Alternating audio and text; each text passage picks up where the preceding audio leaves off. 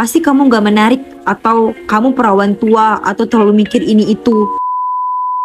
Bentuk kejahatan seksual itu sendiri, karena sejatinya siapa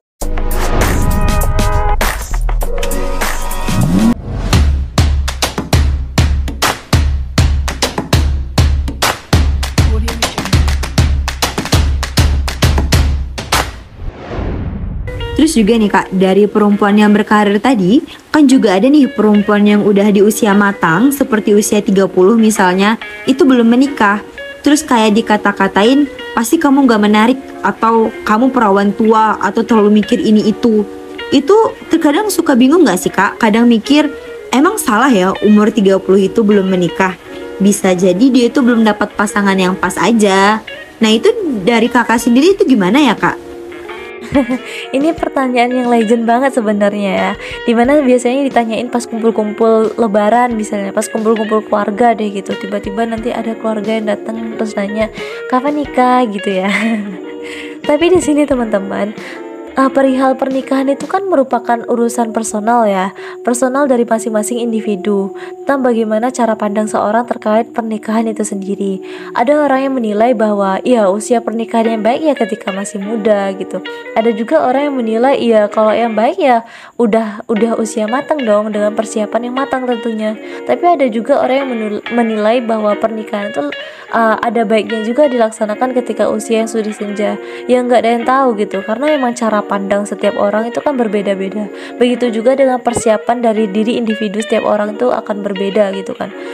Nah, di sini perihal pernikahan itu kan juga mengacu kepada gimana cara kita untuk uh, apa ya bertemu dengan jodoh kita gitu. Sementara jodoh, rezeki, maut itu kan bagian dari takdir yang udah diatur dan udah ada nih ketetapan dari Allah Subhanahu Wa Taala gitu kan.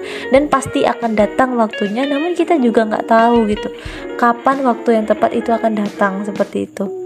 Dan di sini konteks pernikahan itu kan bukan merupakan suatu perlombaan ya yang harus cepet-cepetan gitu. Melainkan di sini perlu adanya berbagai pertimbangan dari diri individu gitu karena memang pernikahan itu kan merupakan jenjang yang serius akan ada tanggung jawab dan serta peran yang baru bagi diri kita gitu sehingga untuk menghadapinya kita juga perlu nih persiapan yang matang baik dari segi mental, fisik maupun eh, aspek-aspek uh, lain yang akan mendukung uh, jalannya pernikahan itu sendiri. Nah, di sini setiap orang juga pastinya memiliki target akan hal itu, tapi kita juga gak ada yang tahu gitu kan. Apa aja bentuk pencapaian yang ingin dicapai oleh seorang sebelum menikah seperti itu. Jadi di sini intinya um, hanya diri kita sendirilah yang tahu dan hanya kita sendirilah yang paham kapan saat yang tepat kapan saat yang terbaik bagi diri kita untuk membuat atau uh, membuat hal atau keputusan terbaru bagi diri kita termasuk dalam hal pernikahan itu sendiri gitu. Nah, benar banget nih kata Kadela, hanya kita sendiri yang tahu dan paham yang terbaik untuk diri kita saat mengambil keputusan. Oke kak, mungkin aku mau nanya juga tentang standar kecantikan perempuan yang gak ada habis-habisnya sampai sekarang. Banyak orang yang bilang jadi cewek cantik itu harus langsing, harus putih, harus tinggi, harus mulus. Lalu kita ini perempuan juga sering dinilai dari aspek penampilan, bukan keahlian. Padahal kan gak harus begitu. Nah itu menurut kakak pribadi, perempuan yang cantik itu bagaimana ya kak? Kalau menurut aku cantik itu relatif ya, karena setiap orang pasti memiliki cara pandangnya tersendiri terkait dengan definisi cantik bagi dirinya gitu. Dan di sini ngomongin tentang cantik itu nggak akan ada habisnya karena memang masing-masing wilayah pasti memiliki budayanya masing-masing, memiliki karakteristiknya masing-masing gitu. Jadi memang e, misalnya di Eropa nih, di Amerika dan di Asia pasti akan berbeda dong standar cantiknya seperti itu. Jadi emang nggak ada nih standar baku yang netapin bahwa cantik itu harus langsing, cantik itu harus putih, cantik itu harus bla bla bla. Itu nggak ada ya teman-teman. Karena setiap diri kita itu memiliki karakteristik masing masing-masing. Kita itu unik dan kita itu memiliki karakter yang khas dari dalam diri kita. Dan hal itulah yang sepatutnya kita syukuri dan kita jaga. Salah satu upaya menjaganya gimana? Ya dengan menggunakan misalnya produk-produk body care misalnya. Gak ada yang salah, gak ada yang salah dengan menggunakan produk-produk seperti itu karena itu merupakan bagian dari rasa syukur kita ya kan. Merawat diri kita dengan menggunakan uh, produk-produk yang kita percaya gitu. Jadi nggak ada yang salah ketika seorang menggunakan uh, body care tertentu gitu. Namun di sini yang salah adalah ketika kita mulai uh, gila dengan produk-produk tersebut gitu. Ketika kita mulai mengejar target-target tertentu untuk mengikuti standar kecantikan yang kita sendiri sebenarnya kurang paham nih akan hal tersebut gitu. Ironisnya, ada beberapa orang yang rela kayak ngorbanin kondisi sehatnya gitu dengan mengikuti beberapa tren kecantikan yang kemudian mengesampingkan nih kondisi kesehatan fisik maupun mentalnya. Padahal justru hal itu dong yang tentunya menjadi apa ya, menjadi fokus utama bagi diri kita. Gimana cara kita untuk uh, tetap sehat secara fisik maupun mental tapi juga terlihat cantik dari luar dan dalam seperti itu. Satu hal nih yang perlu kita ketahui bahwa secara psikologis itu sih sebenarnya definisi cantik itu bukan hanya sebatas fisik loh tapi juga bagaimana cara kita untuk mengeluarkan energi positif dari dalam diri kita kepada orang-orang yang ada di sekitar kita. Artinya, definisi cantik itu sendiri itu bukan hanya tentang visualitas, tetapi juga membahas tentang nilai dalam diri kita gitu.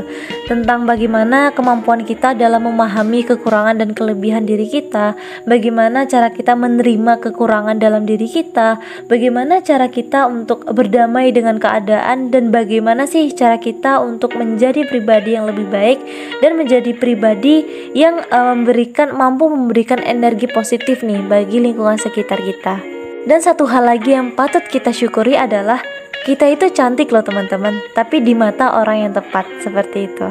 Oke kak, abis bicara tentang standar kecantikan perempuan, aku mau masuk ke cara berpakaian perempuan juga nih kak. Nah, kan sekarang ini banyak kasus pelecehan terhadap perempuan dan cenderung yang disalahkan itu perempuannya. Semisalnya hal yang sederhana seperti catcalling, terus yang parahnya tuh sampai diperkosa gitu kak. Nah, terus perempuan ini mengadu istilahnya ke orang terdekat atau pihak yang bisa menangani masalah itu. Tapi pasti sering banget nih ditanya sama orang-orang itu seperti kamu waktu kejadian itu pakai baju apa? Pasti baju kamu ketat Atau mungkin pakaian kamu menggoda untuk orang itu ngelakuin hal itu kali Nah, padahal menurut kita itu sopan kok Nah, tapi kenapa ya yang dipertanyakan hal-hal seperti itu? Nah, itulah dia bukti betapa jahatnya sih bentuk kejahatan seksual itu sendiri. Karena sejatinya siapa pun, baik itu laki-laki maupun perempuan, kapan pun, di mana pun, dan usia berapapun, saat ini berpotensi untuk menjadi korban dari kejahatan seksual itu sendiri. Dan tidak hanya soal pakaian sebenarnya, karena memang ada beberapa kasus di mana korbannya itu sebenarnya telah menggunakan pakaian yang sopan, menutup aurat seperti itu, tapi tetap saja menjadi korban dari kejahatan seksual itu sendiri. Mengapa demikian? Karena faktor utama pada kejahatan seksual itu tidak terletak dari um, segi pakaian gitu. Segi pakaian itu memang berpengaruh ya, tapi tidak menjadi faktor utama. Melainkan faktor utamanya itu adalah niat daripada pelaku itu sendiri. Ketika seorang nih tidak memiliki niat untuk melakukan kejahatan seksual, ya mau bagaimanapun keadaannya, mau bagaimanapun uh, kondisinya, itu ya dia tetap berpegang teguh untuk tidak melakukan kejahatan seksual itu sendiri. Bahkan ia akan berusaha untuk melindungi nih orang-orang di sekitarnya untuk tidak terkena kejahatan seksual. Lain halnya dengan pelaku yang justru memiliki niat untuk melakukan tindakan seksual, baik dalam kondisi apa pun, bahkan tidak memandang status ya. Terkadang uh, dia masih berstatus sebagai keluarga atau bahkan teman dekat atau bahkan status yang sejatinya um, dekat seperti itu bisa bisa saja menjadi sasaran dari kejahatan seksual itu sendiri.